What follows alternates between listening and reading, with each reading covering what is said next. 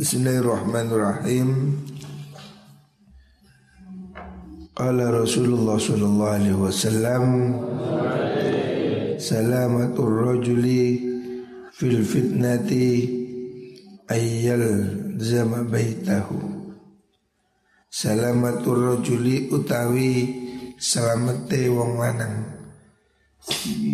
Wong lanang bisa seseorang Fil fitnati ing dalam zaman fitnah. Salah satu kunci keselamatan Ketika terjadi fitnah Terjadi fitnah Bahaya Iku ayal zaman yang toh netepi sokorojul Baitahu ing omai rojul Salah satu kunci keselamatan itu hendaknya orang diam di rumah. Termasuk hari ini di musim pandemi ini salah satu kunci keselamatan jangan pergi keluar rumah ya. Ini sampai hari ini ternyata pandemi ini belum selesai.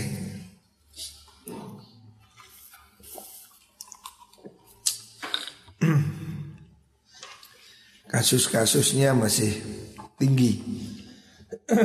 Makanya benar apa yang dikatakan Rasulullah SAW. Orang hendaknya lebih banyak menahan diri kalau tidak penting tidak perlu keluar rumah. Termasuk tidak perlu keluar dari pondok.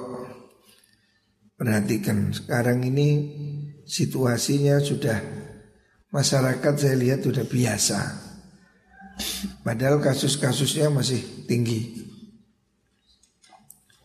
Tapi berapa kali saya datang ke acara Orang udah nggak ada yang pakai masker, udah los semua. Padahal kasus ini masih masih banyak ya. Artinya kita harus hati-hati. Lebih banyak tinggal di rumah.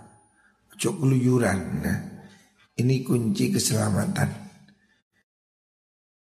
19 ini penyakit elit. Dia itu tidak mau pergi ke rumahmu tapi kamu menjemput dia keluar rumah. Kalau kamu di rumah, covidnya nggak mau datang.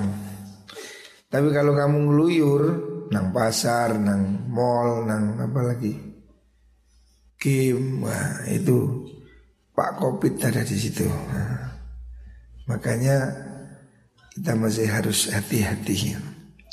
Arwahud Dailami an Nabi Musa. Selanjutnya kala Rasulullah sallallahu alaihi wasallam sawu podo gawe podo. Maksudnya hendaknya kamu menyamaratakan. Baina auladikum antarani piro-piro anak siro Fil atiyati ing dalem peparing Hendaknya orang ini memberikan yang sama. Ada sahabat datang pada Rasulullah Wasallam ingin membagi atau memberikan hartanya secara tidak sama oleh Rasulullah tidak diperkenankan. Hendaknya orang tua kalau memberi ya, ini kan bukan warisan kalau memberi hendaknya itu sama. Umpamanya anak yang laki dibelikan baju, ya perempuan belikan baju. Jangan pilih kasih. Jangan lebih mengutamakan anak laki-laki. Budaya Arab itu lebih menyukai anak laki-laki. Tetapi Rasulullah Shallallahu Alaihi Wasallam justru menganjurkan sebaliknya. Ya. Falau kunta Falau kuntu lamun ono sapa ingsun iku mufaddilan wong kang akan ahadan ing wong suwiji lafadzal tu yakti akan ingsun an nisaa ing pira-pira anak wadon. Kalau kanjeng Nabi ini sebaliknya.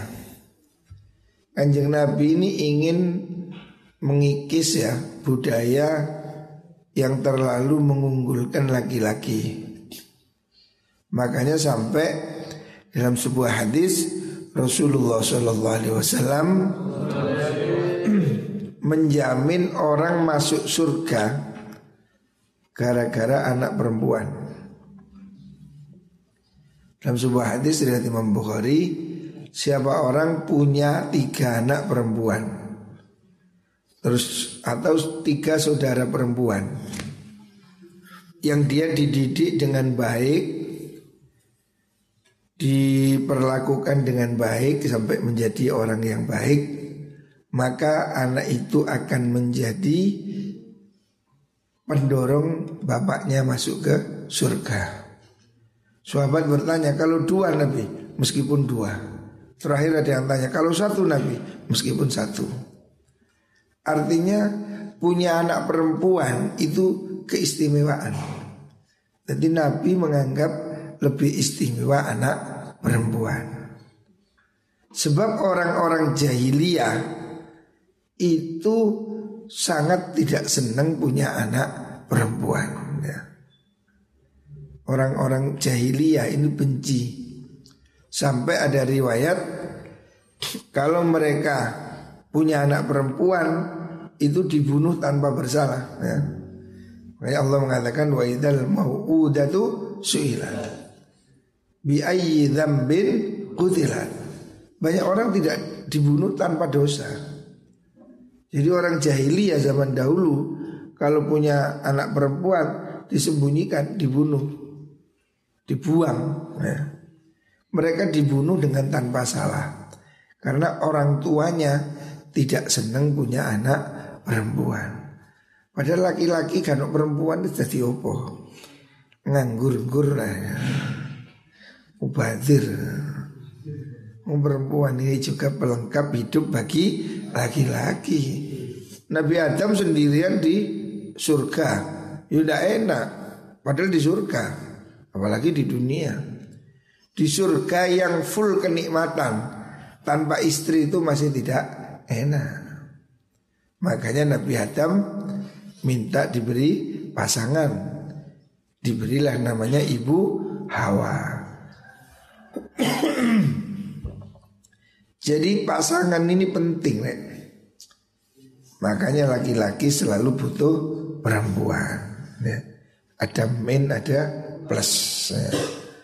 Dan di dunia ini semuanya dijodohkan Ada baik, buruk, laki, perempuan Apa, sakit, sehat, semuanya ada pasangan-pasangan Makanya Rasulullah Shallallahu Alaihi Wasallam menyatakan kalau saya mau utak, mengutamakan orang ya Nabi mengambil garis laki perempuan hendaknya diperlakukan yang sama seandainya ya seandainya namanya seandainya ini kan tidak seandainya saya ingin Seandainya saya ingin mengutamakan anak, saya akan utamakan anak perempuan. Dan ini ada hadis lain. Dalam kitab Ihya disebutkan barang siapa lebih mengistimewakan anak perempuan dibanding laki-laki ya. Itu dia dapat pahala. Jadi kalau umpamanya oleh-oleh kamu gak usah dikasih adikmu yang perempuan dikasih karena kamu laki laki kapok jadi anak laki-laki sudah terlalu banyak dapat keistimewaan makanya kanjeng Nabi ingin berbagi makanya Rasulullah Shallallahu Alaihi Wasallam ingin agar perempuan ini dimuliakan ya. Hebatnya agama Islam ini. Orang tidak boleh menghinakan perempuan. Makanya Nabi memberi jaminan surga untuk wali murid ya, untuk bapak yang bisa mendidik merawat anak perempuan dengan baik. Bahkan kanjeng Nabi lebih memilih seandainya beliau pilih kasih itu lebih baik mengasihi yang perempuan. Jadi perempuan-perempuan ini betul-betul dimuliakan oleh agama Islam. Loh lah kalau waris kok dapat separuh? Ya, apa itu tidak adil? Adil. Adil itu tidak harus sama. Tidak sama itu juga adil. Agama yang lain malah lebih buruk perlakuannya kepada perempuan. Bahkan menganggap perempuan itu bagian dari setan. Makanya ada agama lain yang menyatakan nikah itu tidak bagus. Jadi mereka menganggap hidup suci itu tanpa pernikahan. Sehingga mereka dianggap sebagai orang suci seperti paus ke bawahnya itu tidak menikah semua itu. Karena wanita ini dianggap bagian dari setan. Sebab dulu mereka berpandangan Nabi Adam turun ke dunia gara-gara ibu Hawa. Makanya mereka mengenal namanya dosa warisan. Semua orang lahir punya warisan dosa. Islam tidak. Islam mengatakan wala taziru waziratun wizra ukhra. Islam tidak ada dosa warisan. Semua orang lahir kullu mauludin yuladu alal fitrah. Islam dengan agama Nasrani Kalau dalam Islam nikah itu sunnah. Makanya banyak kiai yang sering menikah karena dia ahli sunnah. Bukan berarti ahli sunnah, ahli menikah ya. Tapi nikah ini kalau dalam Islam sunnah, anjuran. Kalau dalam agama lain bisa jadi malah larangan. Makanya para romo itu tidak boleh menikah. Mereka menganggap tidak menikah itu suci. Karena wanita bagian dari setan. Islam menganggap wanita itu mulia. Surga di bawah telapak kaki ibu. Ini penghormatan hebat. Lu kok warisnya dapat separuh? Waris dapat separuh itu Karena kebutuhannya memang separuh. Kenapa? Sebab Islam ini mewajibkan nafkah bagi suami. Karena Islam menghormati perempuan Maka perempuan ini diberi tempat yang mulia. Wanita tidak perlu kerja di luar rumah. Wanita dinafkahi oleh suami Makanya kebutuhan wanita lebih rendah dari kebutuhan laki-laki. Sebab laki-laki punya kewajiban beri nafkah pada anak istri. Perempuan tidak Perempuan hartanya untuk dia sendiri. Makanya warisnya satu banding dua. Sebab kebutuhannya memang tidak sama Justru kalau dibagi sama tidak adil Sama dengan begini saya ini gemuk untuk bikin baju perlu 2 meter. Tapi gimana cilik kisah begini. Kil. Sama? Almas ini mungkin satu meter cukup. Ada cilik Kalau dibagi adil sama satu meter, ya malah nggak adil. Almas satu meter dapat baju, saya dapat celana pendek. Nah, gak cukup aku satu meter. Oh, saya butuhnya dua meter. Almas kalau dikasih 2 meter sak kemul-kemule. Cukup. Kan tidak adil. Dia dapat baju plus kemul, saya dapat baju lengan pendek atau separuh. Lah, justru samanya menjadi tidak adil. Jadi jangan dikira terus Islam itu, wah wow, Islam tidak adil. Laki-laki kok satu banding dua. Itu sangat adil karena memang kebutuhannya tidak sama. Makanya bersyukurlah perempuan-perempuan itu dengan datangnya agama Islam. Islam yang memuliakan perempuan. Bahkan Rasulullah Shallallahu Alaihi Wasallam terang-terangan dalam hadis ini mengatakan kalau ada anak yang perlu diistimewakan, yang perlu diistimewakan adalah anak perempuan. Ya, ojo iri kamu laki-laki terus laku kombotan. Laku sudah lanang kok si iri. Laki-laki harus lebih gagah. Kamu diberi kekuatan yang lebih banyak. Makanya Allah mengatakan ar-rijalu qawwamuna 'alan nisa. Laki-laki pemimpin. Kenapa? Bima faddala ba'dhum 'ala ba'd. Karena Allah berikan keunggulan.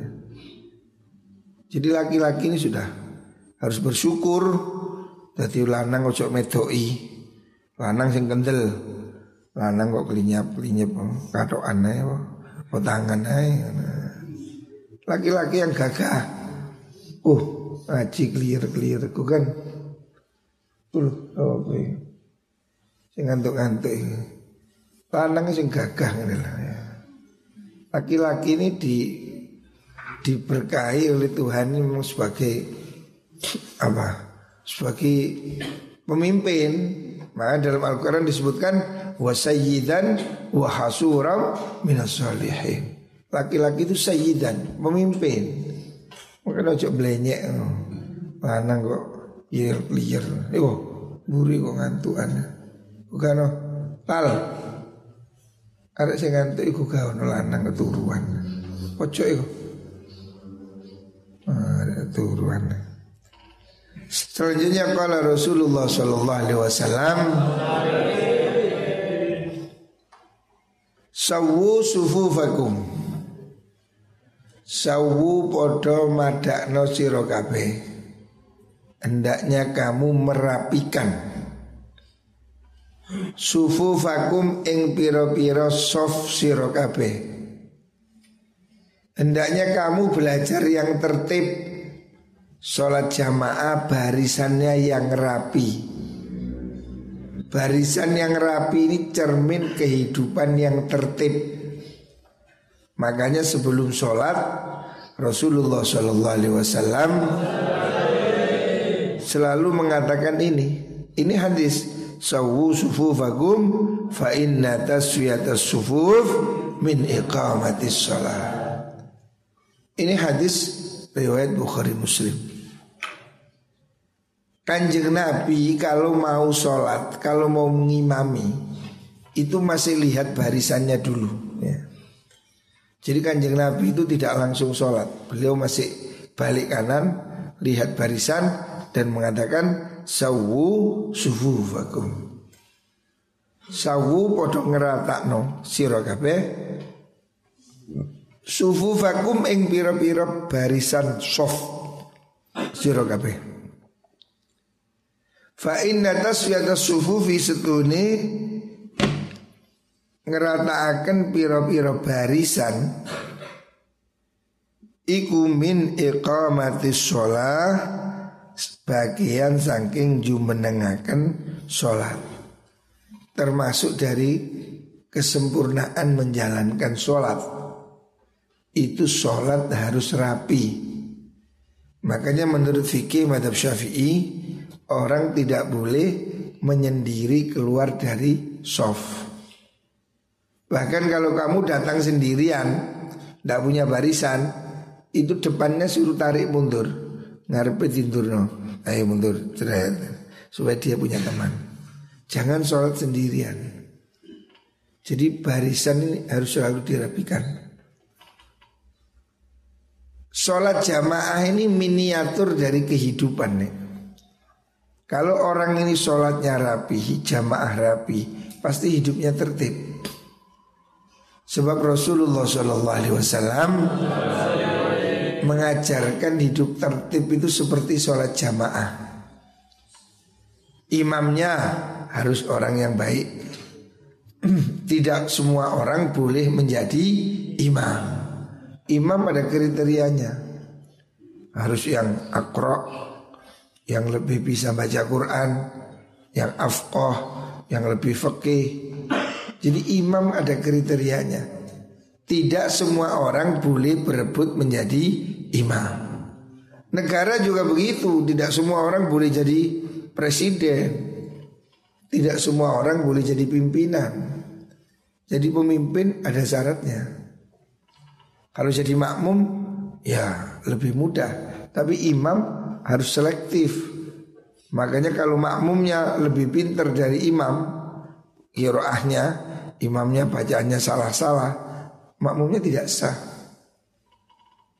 Jadi yang jadi imam harus yang lebih pinter membaca Al-Quran. Harus yang lebih ngerti ilmu fikih, yang lebih tua, yang lebih seni, yang ya, diberikan banyak kriteria, termasuk lebih tua dalam hijrah. Kalau sekarang ya lebih senior. Jangan berebut jadi imam. Dan imam harus ditaati. Makanya jamaah ini tidak boleh Imamnya rukuk Kamu nggak mau. Imam sujud Kau ngajak kai Batal. Imam sujud Gak aku mau. Aku ngajak tok Ya batal sholat mutul. Jadi imam wajib ditaati. Pemimpin juga begitu Rasulullah Shallallahu Alaihi Wasallam melarang kita melawan pemerintah yang sah. Seperti apa pun dia ya. walaupun brengsek walaupun pemerintah itu gak pecus ya. tidak boleh pemerintah dirubuhkan tidak boleh. Karena pemberontakan itu hanya akan membuat kekacauan. Sebuah negara yang terjadi pemberontakan pasti hancur. Akibatnya perang kalau sudah perang rusak sudah masjid dibom, rumah sakit dibom, sekolahan dibom. Wah, seperti di Baghdad. Setiap hari bom seperti mercon, dar dar. Orang tidak ada ketenangan, hidup tidak tenang. Makanya tidak boleh melawan pemerintahan yang sah. Coba lihat yang kasus di Suriah, di Libya, di mana?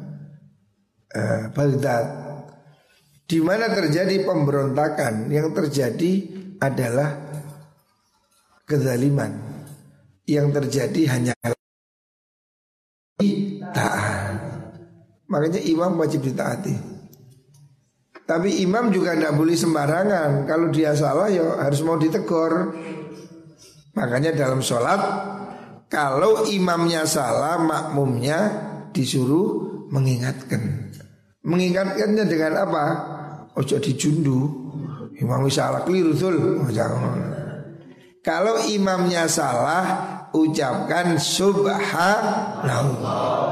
Nah ini loh, ngingati sing sopan. Subhanallah. Subhanallah itu artinya maha suci Allah. Tidak ada yang hebat, tidak ada yang suci. Yang suci hanya Gusti Allah. Sehingga pemimpin harus sadar kalau kamu ditegur, kalau kamu dikritik, memang kamu manusia. Manusia tidak ada yang sempurna. Jadi sholat jamaah ini mengajarkan hidup tertib. Kita ini hidup juga jamaah nih Baris sing roto, ojo mokong. Baris ini kon ngajak ngidul. Yuk kendeng. Semua barisan harus rapi. Ojo terus aku gak mau ngadep mulon Aku tinggal ngadep ngetan. Ya wal sinting gitu Baris rapi. Semuanya ikut aturan. Pondok juga begitu. Pondok aturan. Wajib jamaah. Aturan. Tidak boleh ngeluyur. Tuh no kupingi sing tambeng-tambeng Tidak boleh merokok. No. Kamu harus ikut jamaah, ikutlah aturan.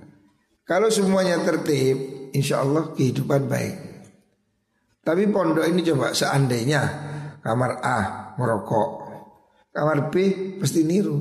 Wah, itu merokok, ini ngerokok bisa.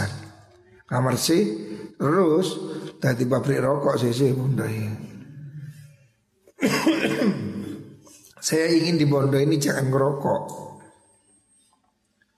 Karena apa? Rokok itu mahal. Berapa rokok satu satu lencer berapa? Piro regane? Handrean. Ada sing rokok itu sapa ya? Sul. Ini Samsul. Harga rokok satu lencer berapa? Dua ribu. Berapa? Mu'alib itu ngerokok itu Pira rokok sak lencer berale Hah? Dua ribu. Bayangkan rokok satu batang dua ribu. Dua batang berarti Empat ribu. Sama dengan harganya batako Batako sengatos loh Kayak mendung dasmu clear Batako itu Sokmu ini gede nih Harganya 3.500 Berarti sama dengan rokok dua batang Kalau kamu ngerokok satu tahun Satu hari dua batang Berarti kamu dapat rokok berapa? Dapat bataku berapa? 360 Apa ini jenenge? Bataku cukup untuk bangun rumah Jadi kamu nggak ngerokok satu tahun Oleh bataku telung atus swida Iku kena ke bangun iku Kalau tiga tahun Oh kena ke bangun tingkat luru Sepuluh tahun Oh kena ke bangun gudang ya. Makanya gak usah ngerokok ngono Rokok ini pasti boros dan tidak sehat ya. Terutama anak yang itu kamar timur itu Sul, di Sul Semprotan itu Ya no itu. Jangan merokok ya. Saya tidak suka Sebaiknya kita Tidak usah merokok. Matikan rokok sebelum kamu mati karena rokok. Hentikan. Kasihan bapakmu. Kasihan ibumu kerja susah payah. Di sini cuma kamu buat beli rokok. Rawal Syekhon An Nabi An Anas Selanjutnya kala Rasulullah Sallallahu Alaihi Wasallam Samillah Sami nyebuto siro Allah ing Allah. Wa kullan mangano siro Mimma sangking perkoro Oh, wakul mangano siro Biyaminika kelawan tangan-tangan siro